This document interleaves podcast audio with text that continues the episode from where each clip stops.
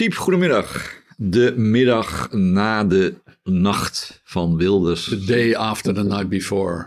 37 zetels staat hij inmiddels. Um, jij hebt inmiddels ook wat interviews aan buitenlandse journalisten gegeven.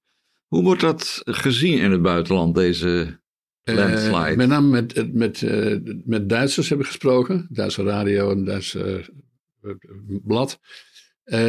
nou, dat wordt heel sterk op Duitsland zelf betrokken. Ja. dat is alleszins begrijpelijk. Van, het heeft dat invloed op wat hier gaat gebeuren. In Duitsland is natuurlijk de AFD de, de ja, to, vaak toch wel echt uh, extreemrechtse partij uh, Alternatieven voor Duitsland. Dat is begonnen een jaar of 15 geleden als anti-euro-partij, maar is, uh, is nu vooral in Oost-Duitsland is een, echt een grote partij. En soms ook met, met nare nazi-achtige trekjes.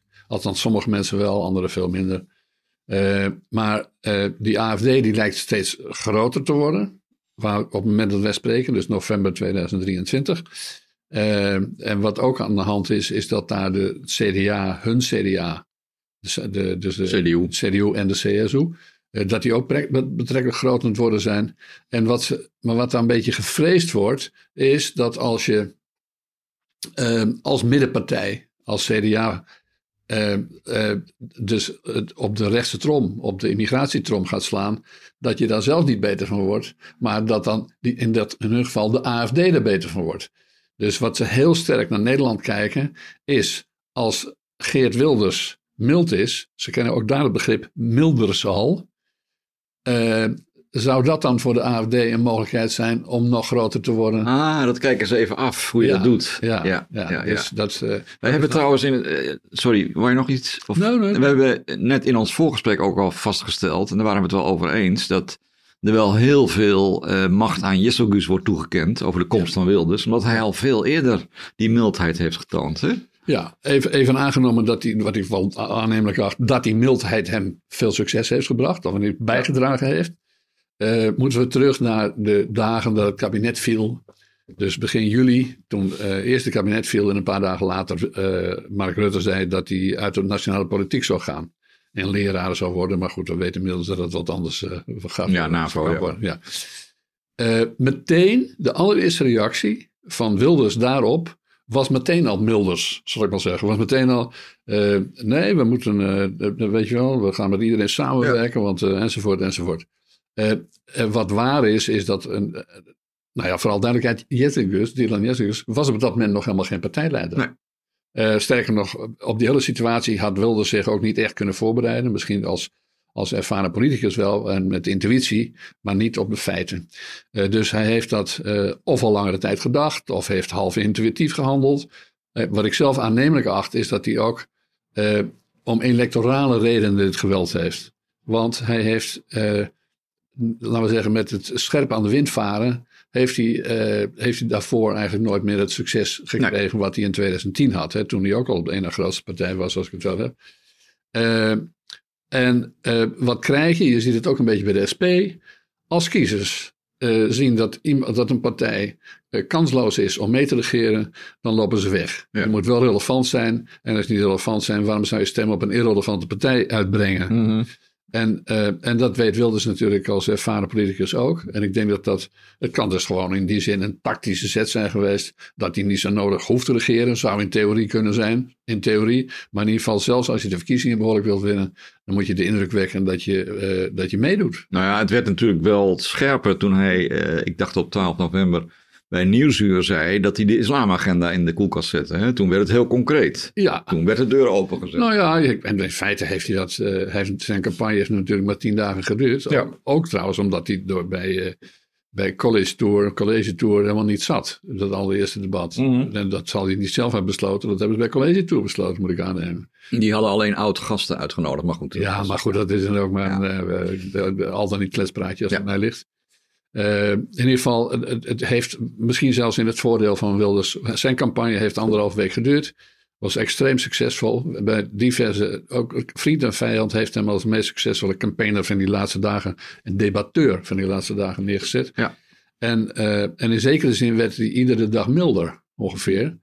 Uh, eh, dus voortbordurend op het feit dat hij voor iedere Nederlander wil zijn. En, en, en, en die, dus dat, nou ja, dat heeft hem uh, veel gebracht. er zijn natuurlijk talloze factoren, maar daar komen we nog wel even langs. Die daarbij een rol hebben gespeeld. En, en, die we niet allemaal hebben voorzien, maar die we met terugwerkende kracht misschien wel kunnen bedenken. Uh, waarbij ik, een, waar ik eentje uit wil lichten. En dat element, uh, dat heet 7 oktober. Hamas. Uh, Hamas, ja. Israël en de effecten in Nederland. Ik merk dat dat in, in kranten en op de televisie en op de radio weinig wordt genoemd. Mhm. Maar ik denk dat het een essentiële factor is voor in ieder geval een deel van de winst. wat ik vermoed is dat, kijk, de, Nederland is verdeeld over de rol van Israël, is verdeeld over of de Palestijnen allemaal, al dan niet inclusief Hamas, het allemaal zo vreselijk hebben of niet, enzovoort. Maar waar grote ergernis over bestaat, is over het goed praten van, uh, van Hamas-achtige zaken. Dat de vlaggen niet door de straten gaan, dat de Mm. regering niet ingrijpt, uh, als bijvoorbeeld de Kristalnacht, herdenking. Ik bedoel, in Groningen en andere plaatsen wordt de kristal, uitgerekende kristalnachtherdenking uh, afgeblazen. Joodse scholen moeten dicht. Joden kunnen niet meer in de Keppeltjovenstraat. Dat kon al niet meer in de stad van Mhm. Amsterdam, maar nu helemaal niet. Ik bedoel, daar is alle reden voor om daar heel bang uh, en aware op te, op te zijn, Mhm. zal ik maar zeggen. want dat is pas 1933. We gaan dat, dat op, op zich naar een, naar een paradoxale situatie. Daar komen we straks nog op omdat natuurlijk een partij als de PvdA, GroenLinks, GroenLinks, PvdA, nu net doet alsof met een verkiezing hè, de grootste van, van de, de Wilders is de grootste geworden, een soort 1933 is. Maar de afgelopen weken waren er genoeg mensen die het ook tekenen van 1933, opkomst van Hitler, uh, vonden. Omdat er niet werd op ingegrepen tegen, uh, tegen uh, pleidooi in, in, de, in de stijl van Hamas. Ja, en, en, en als ik je mag aanvullen, Wilders heeft natuurlijk een track record op dit gebied. Want die al twintig jaar loopt hij de Israëlische ambassade plat. Er werd vroeger wel eens gezegd dat sommige moties hè, rechtstreeks uit de ambassade ja. kwamen. Dus hij heeft daar nooit geheim van gemaakt dat hij een Israël-adept is. Zeker, en dat hij een islamcriticus is. Ja. En dat hij uh, waarschuwt. En trouwens, wat heel belangrijk is in dit verband. Hij waarschuwt, uh, wat, wat, dat, zou best wel eens iets nuttigs in kunnen zitten. Hij, hij, ziet Israël ook het bolwerk van uh, het westers bolwerk uh, tegen het oprukken van de islam. Uh, ja, de enige democratie binnen een Arabische vijandige wat, wereld. Ja. Wat feitelijk juist is natuurlijk, ja. laten we daar helder over zijn. Nee, maar in ruimere zin is hij natuurlijk waarschuwt hij voor het oprukken van de islam met allerlei aspecten die misschien niet de hele islam regaderen, maar je kunt moeilijk uh, volhouden dat de islam de uitvinder van de democratie en de, en de, en de vrouwenrechten mm -hmm, is. Ja. Of de homorechten, enzovoort, ja. enzovoort. Uh, en hij, kijk, Wilders heeft natuurlijk lang in het, uh, als jongeman jarenlang... Een kibbutz gewerkt, toch? Ja. ja, maar heeft ook veel gereisd in, in die landen omheen. Dus hij, hij kent die, die wereld en, en is er later ook vaak nog geweest. Je kunt niet zeggen dat hij uit de vette praat alleen. Nee. hoe dan ook, het gaat, hij is een aanhanger van Israël, ruwweg gesproken. En misschien een beetje kritiekloos, dat valt, dat valt niet te ontkennen. Uh, hij is uh, en, en, en een, een islamcriticus, en, uh, maar meer nog, hij waarschuwt voor het oprukken van de islam. Niet alleen in de islamitische wereld, maar ook in de westerse wereld. Mm. En nou ja, dat, die zorgen op dat punt zijn niet in alle opzichten ongegrond. En de neiging om daar in onze landen een beetje bij weg te lopen omdat het zo ongezellig is, uh, die is vrij groot. Nou ja. Uh, in ieder geval, 7 oktober heeft een, een, een, rol gespeeld. Ik weet niet hoe groot. Maar heeft uh, wel wat losgemaakt ja. bij, bij een deel van de kiezers. Dat kan het voor een deel de verklaring van zijn succes zijn, zeg je. Een deeltje, ja. in ieder geval ja. een, een, een, een, aspect dat verder weinig wordt genoemd en dus genoemd moet worden. Ja. Zeg, het hele circus over de formatie begint. We komen straks wel even bij de andere partijen, want de coalitie is natuurlijk ook gigantisch afgestraft. Maar is het denkbaar dat er, een, dat er geen rechtskabinet komt met zo'n overwinning? Want ik wil, kijk, in, in 2010 kon je nog zeggen en in 2002 laat die populisten maar regeren. Dan zien ze wel dat er een puinhoop van komt. Hè? Dat en dan was, blazen we ze op. nou ja, dat, dat, dat hoorde je letterlijk in regeringskringen. Zeker. Een soort verschroeide aarde theorie. 2002 en 2010, hè? Ja, ja, zeg ik ook. Ja, ja, ja. En, maar ik wil, na 37 zetels kan je dat niet meer zeggen, toch? Nou, de neiging, de neiging om, uh, om ze eventueel mee te laten regeren, om weer op te blazen, die zal zeker aanwezig zijn. Alleen we zijn er nu echt allemaal bij. Ja. Het gaat nu echt voor de derde en misschien wel meer keren, want we hebben het natuurlijk eerder meegemaakt we hebben ook al, nou goed, dat bijna niemand weet dat meer, maar begin jaren 70 hebben we ook DS70 gehad. Een nieuwe partij. Afsplitsing van de PvdA. Van de PvdA, die mocht meedoen. En dat was meteen het einde van DS70. Dus dat, maar als dit cynisme van een nieuwe partij mee laten regeren om hem op te blazen, weer wordt toegepast, dan zal dat vertrouwen in de politiek niet bijdragen tot het vertrouwen in de politiek. En daar hadden we toch al tekort aan. Sterker nog, deze verkiezingsuitslag is daar een illustratie van. Dus, uh, dus het doelbewust mee laten regeren om ze op te blazen, ja, uh, dat kan. Maar leidt dat tot nieuwe successen van de partijen die dat proberen? Dat lijkt me niet. Nee? Nee. Dus wat wel kan, kijk, er, kan, er kunnen natuurlijk tal van redenen zijn waarom een coalitie over rechts. Uh, dus dat zijn drie of vier partijen, hè, vooral duidelijkheid. Dus dat is dan de PVV, uh, dat is dan de VVD, uh, dat is dan Omzicht, NSC. En dat zijn er drie. Daar heb je al genoeg hoor, daar gaan die om. Ja. Maar ze zouden eventueel, omwille van de zetels in de Eerste Kamer, ook BBB erbij ja. kunnen trekken. Nou, dan heb je een hele 84, brede.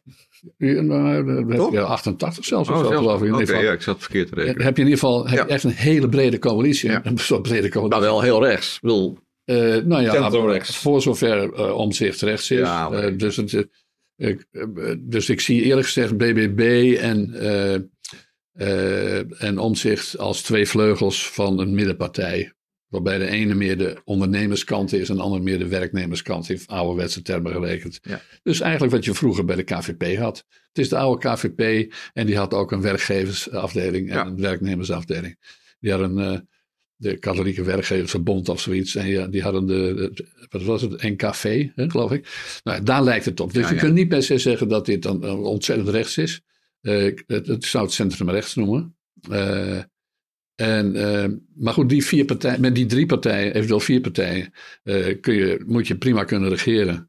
Als er wat, wat venijnigheden bij, bij, de, bij Geert Wilders ontbreken. Nou, die kans dat dat gebeurt is groot. Sterker nog, heeft hij al in de aanbieding. Ik bedoel, nog voor de onder- onderhandelingen beginnen, nog voor de campagne begon, heeft hij dat al gedaan. je bedoelt zijn eh, principes in de uitverkoop zetten? Of, Nou ja, in principe, nee, dat gaat natuurlijk eigenlijk alleen maar over eh, of hij de moskeeën en de, de Korans en de hoofddoeken wil verbieden. Of die, die- nou ja, dat heeft hij zelf van gezegd dat hij dat opgeeft voor deze periode. ja, verder is die misschien juist voor de VVD wel veel te links. Ik bedoel, als je het Exact. gaat over bestaanszekerheid. Precies, nou ja. Kijk, we gaan ook in, in één opzicht oude tijden tegemoet. Heeft ook niemand het over, daarom hebben we het hierover wel over. We gaan bezuinigen. Ja? Ja, dat net, is- net als in 2010, toen mocht hij meeregeren om te bezuinigen. Eh, Geert Wilders. En dus, eh, ja, zoals het vaak gaat, rechts die mag weer gaan regeren als er bezuinigd moet worden. Bij de hele campagne heeft niemand het over gehad. Maar laten we niet vergeten, we zitten al een jaar in recessie. Er is helemaal geen uitzicht dat het beter gaat met de economie. Dus eerder de kans dat het slechter gaat met de economie. Ja, behalve dat, dat, dat is het gekke dat de werkloosheid eh, beduidend lager is dan vroeger. Dus dat is natuurlijk een Dat is waar. element. Dat is waar. Dat betekent dat er minder uitkeringen hoeven te Ja. Maar tegelijkertijd is zo'n lage werkloosheid ook weer een bedreiging voor de economie. Eh, want dat betekent dat bedrijven, sommige horecabedrijven zijn bijvoorbeeld maar een paar dagen in de week open omdat ze geen personeel hebben. En dat soort, dat, Maar, maar als ik daar even op door mag gaan, dat betekent dus dat Wilders die zal dan zeggen, nou daar heb ik een hele simpele oplossing voor. 35 miljard stikstoffonds, Ja. wat is het? 40 miljard klimaatfonds. eh, maar eenmalig. de cijfers, dus, de cijfers zijn iets anders. Moet, Nou, dat, dat weet jij natuurlijk veel beter. nou, het ja. gaat om vijf, ruwweg 25 miljard. Een serie fondsen. Ja. Ja, dat is allemaal, allemaal uit de tijd dat het geld niet op kon en de rente laag was. Ja. Those days are over. Ja. Ook dat. Dus die fondsen, daar gaat de streep door. Dat kan ik je nu al voorspellen. Ja? Omdat het geld op is. Ik bedoel, en het, was natuurlijk altijd al van een groot deel D66-beleid. D66 doet niet mee. Dat En die kan je ook makkelijk doen, want die zijn ook wettelijk niet verankerd. Die kan je vrij simpel... eh, Ja, het gaat om grote bedragen. Dus het gaat om eh, drie, vier categorieën. Het gaat over het klimaatfonds van 35 miljard. Het gaat over, en dan moet je dan terugrekenen op eh, per jaar. Dus het gaat over 3,5 ja, dat is 3,5 eenmalig geld. Hè? Ja. Dus moet je stukjes hakken. Ja. Maar goed, dan kom je dus op, op, op miljarden per jaar. Gaat over 25 miljard voor de stikstof in 15 jaar. Wat nu allemaal bedacht is. Ja. Het gaat over het Wopke Wiebes fonds van, Oh ja. van 20 miljard. Ja? Alleen maar bedacht omdat het geld niet op kon. En het, eh, en, maar nu kan het wel op, dus gaat het een streep door. Dat is helder. En dan hebben we ook nog een, eh, een, een onderzoeks- of, weet, of hoger onderwijsfonds van 5 ja. miljard. En dan heb je nog een, een, een investeringsfondsje van iets van 5 miljard. Dus opgeteld kom je ergens in de buurt van de 80 miljard. Ja. Dat is niet geld voor één keer, maar als je dat in, stuk, in jaarlijkse stukjes zakt, dan kom je al gauw in de buurt van de 10 miljard of zo. Dus die fondsen, en er blijft natuurlijk wel wat over, er blijft geld uitgegeven worden aan, uh, aan, aan het klimaat en ook aan stikstof, maar nu is er geld op zoek naar een bestemming. En dat geld op zoek naar een bestemming, daar, daar gaan de streep door. Dus dat klinkt eigenlijk vrij simpel, daar kunnen ze snel uit zijn. Dat, dan hoef je ook veel minder te bezuinigen. Uh, zeker, dat zijn, dat zijn in ieder geval op papier een, is er een interessante bezuinigingsroute. Uh, maar dat zal niet voldoende zijn. dus het huidige kabinet, dus het demissionaire kabinet, het voldeed al niet meer aan de Europese normen. Nou, ik denk eerlijk gezegd dat wij dat streng doen in, in, opdracht of in lijn met Brussel, dat we er helemaal van af zijn. Dat gaat dit kabinet. Je bedoelt 3% begrotingstekort, 60% staatsschuld maximaal. Ja, nou dat, Die, die lijn die zal wel uh, gehandhaafd blijven, maar niet zo fanatiek als het tien jaar geleden gebeurd is. En als je hem overschrijdt, zie Frankrijk en Duitsland staan er toch geen sancties Tuurlijk, dat was echt, dat was echt heel slecht beleid. Ja. Vond ik toen, vind ik nog steeds. Vinden trouwens heel veel mensen nu. Dus we gaan echt niet meer zo fanatiek bezuinigen en vergeten lasten verzwaren als toen gebeurd is. Maar er moet wel, er moet wel uh, geld op tafel komen. Ja. En het zou best kunnen zijn dat uh, als de PVV, de, weet ik veel, minimumloon uh, sterk wil verhogen. Want ze zijn natuurlijk eigenlijk gewoon, als het gaat om die ouderwetse verzorgingsstaatsdingen, gewoon een linkse partij. Ja, eigen risico afschaffen. Bedoel. Ja. ja, kijk, het, het, sterker nog, je kunt zelf zeggen dat, het, dat de PVV omwille van die verzorgingsstaat, omwille van de hogere minimumlonen en de uitkeringen en de sociale huurwoningen, juist van die immigratie af. Ja, precies. Nee, dat is koppelen ze steeds. Ja. ja. Dus, uh, maar goed, uh, linksbeleid kost meestal geld. En daar zal, de, daar zal de PVV voor moeten inleveren, dat is helder. Maar het valt, neemt niet weg dat als je hoge linkse uitgaven in de sfeer van klimaat en ontwikkelingshulp en Europa en god maar weten wat, weet, daarom weet te snijden, dan is het ook wel op te lossen. Ja, en al die vier partijen zijn toch, toch wel redelijk kritisch over migratie. Waarbij, denk ik, Omtzigt nog het meest milde standpunt heeft met zijn 50.000 migratiesaldo. Uh, maar hij is wel veel preciezer dan de VVD. Ja, hij is veel precies, klopt. Ja. Uh, dus, uh, maken een onderscheid tussen die groepen. Ja, maar goed, hij komt dan uiteindelijk tot die, 50, die grens van 50.000. En je kunt natuurlijk, tenminste dat lijkt mij politiek raar niet iedere immigrant op dezelfde manier in die optelsom opnemen. dus de, als je mensen nodig hebt voor de economie, en daar zijn er ook een paar van, en dan kun je die niet op dezelfde manier meerekenen in zo'n, in zo'n omzicht optelsom. Maar goed, de kans dat ze daar uitkomen, uh, in ieder geval in bedoelingen, uh, of dat ook wat alles oplevert is een tweede, is heel wel denkbaar. Ja, ook al omdat Omtzigt in de toelichting heeft gezegd: ja, het is niet zo dat wij dan meteen op een knop gaan drukken, maar dan is het voor het volgende jaar. Hè? Als die Emma overloopt, om het zo maar te zeggen, dan gaan we maatregelen nemen. Ja. Dus in de nieuwe begroting. Dus in die zin, ja. Nou ja, kijk, bij asiel hebben we natuurlijk meegemaakt dat de VVD, notabene de VVD, uh, dat die uh, jaren in, die, dat die meegewerkt heeft aan de, aan de spreidingswet. Dus het opdringen van asielzoekers aan gemeenten. Uh, maar helemaal niets heeft gedaan. Daar, op, daar, op grond van, daarvan hebben ze dan naar eigen zeggen ook het, de, de, het kabinet opgeblazen. Maar niets heeft gedaan aan de beperking van de instroom. Hmm. Uh, dus dat, dat zal nu wel helderder moeten worden. We denk, ik denk dat we één elementje nu uh, misschien een beetje aan het overslaan zijn, namelijk de bereidheid bij die partijen om te regeren met ja. Wilders. wat ik denk dat een belangrijk gegeven is, als kiezers belangrijk zijn, dan zijn ook de aanhang van partijen belangrijk bij het in ieder geval indiceren van wat je wilt. Ik heb zelf, we hebben zelf bij Winnie als Week via Maries de Hond uitgezocht al een tijdje geleden.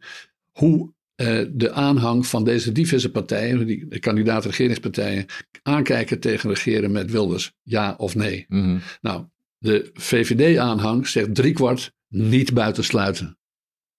Uh, en daar kan denk ik uh, Dylan Jezelgus niet omheen. Nee. Uh, 86% zelfs van de, van de aanhang van BBB vindt dat er gereerd moet worden met Geert Wilders. En ongeveer twee derde, ik dacht ongeveer uh, 66, 67 procent of zo, uh, van de aanhang van, uh, van omzicht wil dat de, dat de PVV niet wordt buitengesloten. Nou, dat zijn zulke grote cijfers. Trouwens, überhaupt in een brede, bij de bevolking, uh, gaat het ook over 59 procent ongeveer. Slechts een derde van de bevolking, 33 procent, vindt dat Wilders moet worden buitengesloten. Dus je ziet heel veel opwinding met, bij, bij een paar linkse partijen. Maar dat is niet in lijn met hoe er in Nederland in een brede wordt gedacht.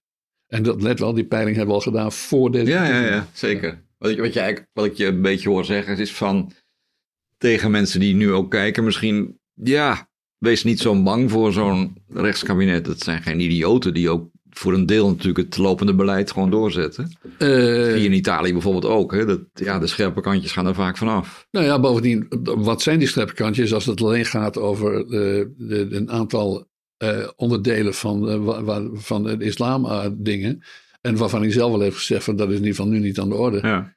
Ja, wat blijft er dan over? Dan kun je wel eindeloos emotioneel doen zoals, zoals nu Frans Timmermans aan het doen is. Tot mijn verbazing begon hij meteen ongeveer een, een huilende preek te houden. Ja, jij zat nog in je, denk ik, in je stemlokaal de stem ja, ja, dat heb ik niet meegekregen. Maar het was, het was nou ja, laat ik er niet al te lelijk over doen. Nou, ik heb hem vanmorgen gezien. Het, het, is donderdag 23 november. In de fractie werd hij ook daarna gevraagd. En toen was hij inderdaad heel emotioneel. Hij zei, er is maar één ding, een hand om de schouder leggen van mensen die nu worden buitengesloten. Ja, ja dat, dat is, uh, en dat, bij zo'n achterman viel dat goed. Maar vind je dat dan overdreven als je dat zegt? Nou ja, wel, het is in ieder geval het, het, is, het is een soort van stemmingmakerij in ieder geval. Hè? Uh, dus alsof, uh, alsof, alsof, wat ik net al zei, alsof het 1933 is. Mm -hmm. We hebben dat eerder natuurlijk gezien bij, bij Pim Fortuyn ook. Hè? Toen kreeg je, toen die gaf een paar maanden voordat hij uiteindelijk werd vermoord. in 2002, dus 21 jaar geleden. Uh, zei hij dat hij de grondwet wilde veranderen. Dat had ook iets met, uh, nou, whatever. Artikel 1, ja. ja uh, en dat leidde tot een grote gretigheid, mag ik wel zeggen, bij met name linkse partijen, niet uitsluitend linkse partijen. Om te zeggen, en nu is die, moet hij, enzovoort, was hij te ver Anne Frank werd erbij. Anne Frank ja, werd erbij gaan. Ja. Dus er bestaat, en dat was in de laatste decennia van de vorige eeuw al zo, dat als iemand iets aan immigratie wilde doen, en, of aan gerelateerde zaken, mm -hmm. dan werd hij meteen tot nazi verklaard of daarmee met de oorlog in verband gebracht. Het, het spectaculaire natuurlijk bij Pim Fortuyn was dat hij zich daar nou eens niks van aantrok. En het volk van Nederland, althans een groot deel van Nederland, zich er ook niks van aantrok. Dus die mensen eh, die, dus van, van D66 en, en, en de GroenLinks en de PvdA, die in 2002 uh, gretig sentimenteel zaten te doen met de oorlog erbij te halen, die hebben toen het deksel op de neus gekregen. En dat uh, maar de neiging om steeds maar weer de oorlog bij te halen, die is daarmee niet ah, dat, dat, deed Timmermans natuurlijk niet letterlijk, maar ah, ik snap wel wat je bedoelt. Ik, ik heb het, dat optreden van hem ja. uh, direct na de, naar de, naar de exit poll. Uh, dat was of, alsof toch de 1933 was hoor. Oké, okay, ja. En, en maar goed, wat, dat mag hij allemaal doen, dat moet hij allemaal zelf weten. Maar een, een, manier om er ook naar te kijken is dat hij eigenlijk de verkiezingsuitslag dus niet respecteert. Wat buitengewoon onverstandig is. Want als iets, het, het niet respecteren van een verkiezingsuitslag, dat is pas antidemocratisch. Ja, ik bedoel, da, ik haal daar 1933 er niet bij, maar uh, het zou natuurlijk veel verstandiger zijn als linkse partijen, zeker ook de Partij van de Arbeid, al niet met GroenLinks, wat eerder had onderkend dat bij de aanhang van hun eigen aanhang die nu naar de PVV is gelopen voor een deel. Uh, dat, hoe, die, hoe, hoe, die, hoe hun belangen en hun ideeën worden geschaad door de Partij van de Arbeid de afgelopen decennia. Nou, je zegt dat een deel van hun achterban ook naar Wilders is gelopen, omdat hij... Dat, dat, gaat, is al tientallen jaren begaan. Nee, maar ook omdat hij weliswaar een links sociaal-economisch beleid voorstaat, maar cultureel dan veel rechtser zijn dan de top van de partij. Nou, je kunt het ook omdraaien, dat, uh, de, de, de, dat links, partijen die vroeger voor de arbeider waren, of dat zeiden, ja. En dat ook waren. Hè, dus de Partij van de Arbeid bij uitstek. Die zijn natuurlijk de afgelopen decennia uh, eerst uh, heel erg uh, aan, wat het, de gekoesteraars van de immigranten geworden. Mm. zacht voor de islam ook. misschien wel meer dan door veel arbeiders en zo wordt, wel als nuttig wordt gezien. En vervolgens zijn ze ook nog eens een keer een soort GroenLinks-achtige tour. Dus klimaat en natuur. Uh, en buitenland uh, wees omarmen. Nou, dat is echt niet allemaal in lijn met wat als belang of idee uh, bij de, de, arbeiders van, van vroeger en nu wordt gezien. Maar het is natuurlijk wel zo, ik, ik ga ze niet verdedigen, maar als je zegt zoals Wilders Nederland... Doe dat op... gerust trouwens, hè? Oh, mag dat? Oké, okay, dat wist ik niet, maar... Nee, maar dat je natuurlijk, als je zegt Nederlanders op één, wat natuurlijk een hele ja, simpele, misschien ook wel aantrekkelijke slogan is, ja. dat je, en daar heeft Timmermans misschien wel een punt, ook Nederlanders die hier al drie generaties zijn, eh, misschien een verkeerd gevoel geeft. Of een uitgesloten gevoel. Want dat zijn natuurlijk. Ik, maar ik heb niet gehoord, eerlijk gezegd. Ik heb, ik heb niet eh, gemerkt aan, eh, aan Wilders dat hij van plan was om Nederlanders, om daar uitsluitend de Nederlanders onder te zien die hier al talloze generaties Hmm. wonen. Ik heb in die, in die, in die uitspraak van hem eh, niet begrepen dat, dat immigrantenkinderen eh, daarmee buitengesloten zouden moeten worden. Hij heeft het, hij verzet zich, naar ik begrijp, eh, tegen al dat geld dat naar het buitenland moet via het klimaat. eh, dat de mensen moeten worden binnengelaten. Ook Ja. al hebben we er geen belang bij. Dus het belang, Wilders heeft overduidelijk nu gezegd. dat dat de, de inwoners van Nederland bij hem voorop staan. En daar is denk ik veel eh, begrip voor. Wat zeg ik? Veel mensen zijn daarvoor. Ja. En die denken van ja, al die hobby's van links, eh, daar hebben we de afgelopen jaren eh, iets te veel aandacht aan besteed. Met geld dat over de hoepel gaat. En ondertussen Maar je zegt dus, kunnen wij de energieprijzen en, en wat is meer zijn niet meer. maar je zegt dus eigenlijk dat, dat de Nederlanders die hier al generaties zijn, zich geen zorgen hoeven te maken. Ja, ik weet niet of ik dat nou aan jou moet vragen. Nee, nee, maar, nee, nee, maar, nee, maar- nee, maar, dat is wat Timmermans een beetje zegt. Hè? ja, maar dat in- suggereert hij wel. Maar dat, Nou ja, hij zegt maar- in, de, in de klas moet eh Ahmed, die, die moet zich, wat zei die, eh, verantwoorden voor wie hij is. Maar dat, jij zegt dat is totaal heb- onzin. Nou ja, dat weet ik niet, want ik, ik weet, ik kan niet voorspellen. Maar ik leid dat niet af uit wat, eh, wat, wat Wilders nu gezegd heeft. Maar, Oké. ja. Eh, als hij zegt dat hij van alle Nederlanders wil zijn, dan heeft hij, heeft er niet bij gezegd moslims uitgesloten. Dat heeft hij niet gezegd. Nee, hij- ik, ik heb het idee dat hij veel meer doelt inderdaad op statushouders die voorrang krijgen boven Nederlandse woningzoekenden bijvoorbeeld. Ja, maar dan gaat het, dan gaat het niet, dan gaat het over. Maar goed, ik, nogmaals, ik kan niet in zijn geest kijken, maar ik heb hem niet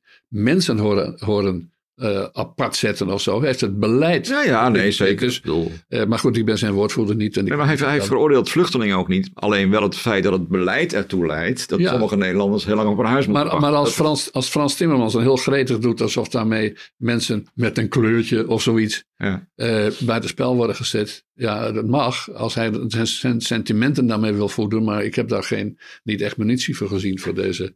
Maar jij, jij zegt eigenlijk, het, het, het zou wel eens eh, verfrissend zijn als er, eh, weet ik veel, sinds 50 jaar weer een eh, centrumrechts kabinet komt. Nou kijk, wat, waarom hebben we deze uitslag? Ik heb dat denk ik ook tegen jou al eerder gezegd. En ik denk dat, dat, het, dat de stemming in belangrijke mate is bepaald door het feit dat er zo lang cultureel links, links, progressief, cultureel. Dus slechts een derde van de bevolking, en, en, en sinds gisteren zijn het er nog minder, Ja. van de bevolking eh, vindt zichzelf links of eh, progressief links of whatever. Dat is, dat is misschien 30 procent. Maar in alles, in het beleid van de kabinetten Rutte speciaal, maar, Mhm. maar eigenlijk al veel langer, eh, kun je zeggen dat, dat het beleid wordt gedicteerd door die 30 procent. Nou ja, dat is letterlijk wat Wilders in het debat tegen Jesselgus zei. Ja, eh, dat de VVD D66-beleid uitvoert. Hè? ja. Ja. En, en wat, wat, wat ook heel makkelijk, eh, wat, wat hij niet eens zelf uitgevonden heeft. Nee, dat zeg jij ook al heel lang. Ja, ja. Dat, dat, dat is op, op, opzichtig is dat zo. Ja. En eh, die, moet, die moet je niet overbazen dat, dat je daar een prijs voor betaalt.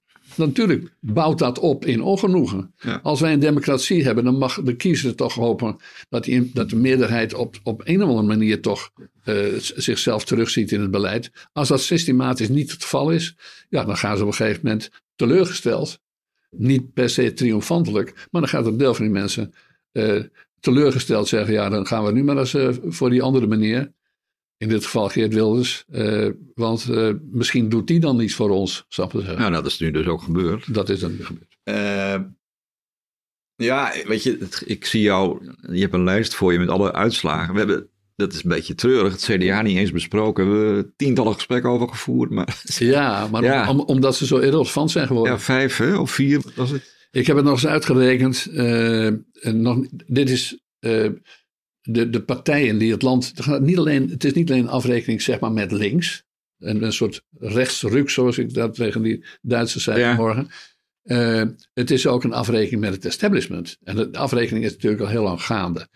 Dus eh, midden jaren tachtig, eh, of rond die tijd, eind jaren tachtig misschien, had- hadden dus de drie klassieke partijen, de- dus het CDA voorop, de PvdA en de, de VVD, die hadden gewoon iets van 90% of zo van de kamerzetels. Ja. Nou, die zijn nu een minderheid geworden met z'n drieën.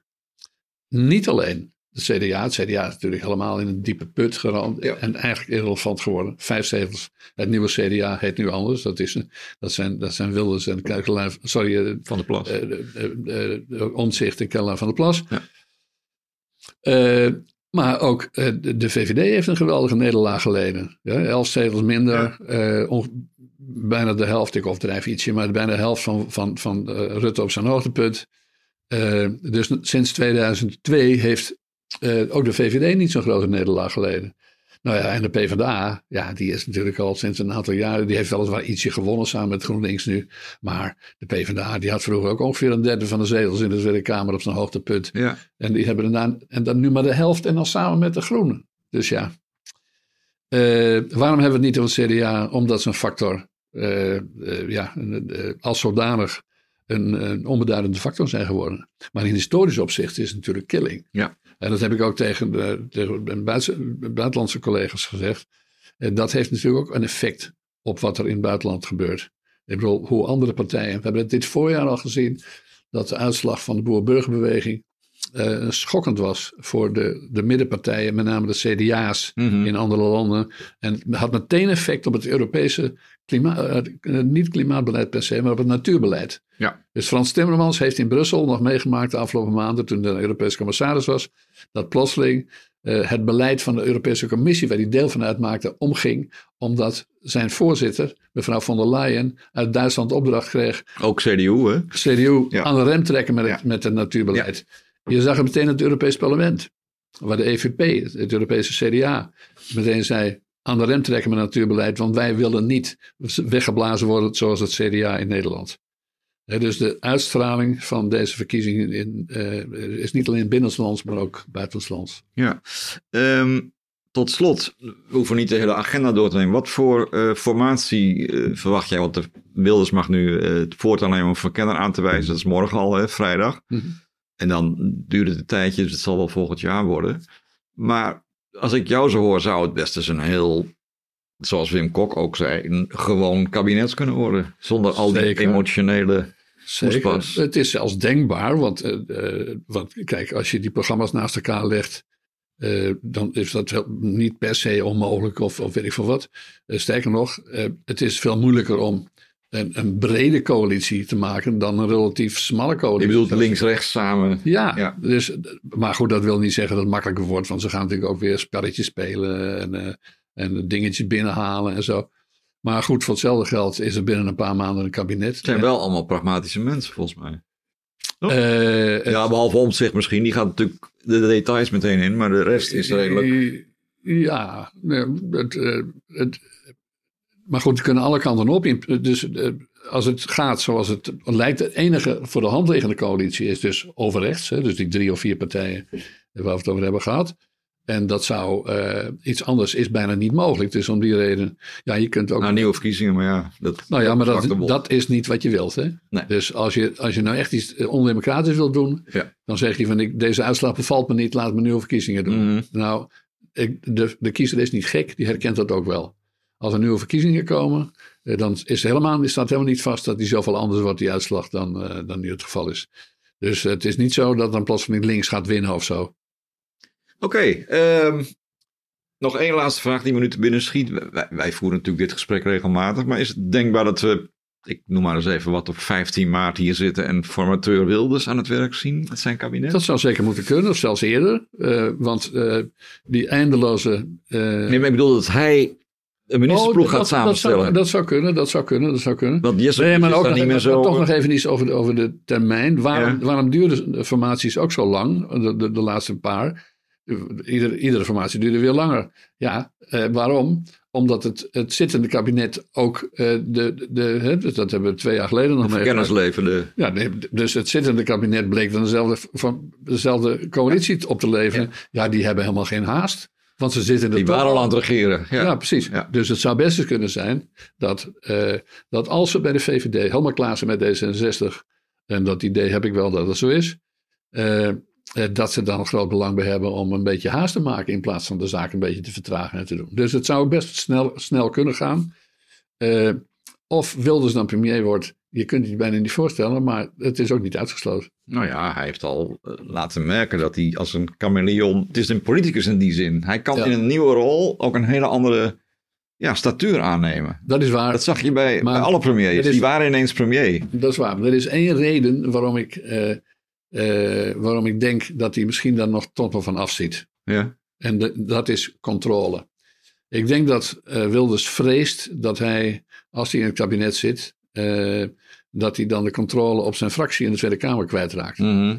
Dan ontstaan er als het ware, dat heb je vaker gezien, dan ontstaan dan vaak twee kernen. Ja, dat wordt natuurlijk een enorme fractie ook. Hè? Ja. Ja, maar dan ontstaan als het ware twee, twee, twee machtskernen binnen zo'n partij. Waarbij de een eh, een, een coalitiekern is en de ander is meer van we zitten nog voor onszelf. Dus eh, en nu is het nog zo dat hij heeft, wat heeft hij, 16 jaar lang of zo? Nou, ietsje korter. Nee, 16 jaar. In Sinds, 2005 is die begonnen. jawel, maar met zijn eigen fractie die groter was dan hij zelf in 2006, Ja. als ik het wel heb. Ja. Eh, dat was, dacht ik, trouwens ook op 22 november, die verkiezingen, als ik het wel heb. Moet ik, Nou, dat gaan we nog even nazoeken. ja. Eh, eh, maar goed, van daaruit leidde hij die partij de hele tijd. Die Ja. fractie was zijn directe kern. Eh, en er zijn risico's verbonden aan het aan regeren, om, omdat je dan, eh, dan heb je ja, op zijn minst twee kernen Ja. eh, te leiden. En, en hij is een extreme controlfreak natuurlijk. Dus ja, of die, dat zou voor hem in theorie in ieder geval een reden kunnen zijn om af te zien van het premierschap. Dank. Ja. ja.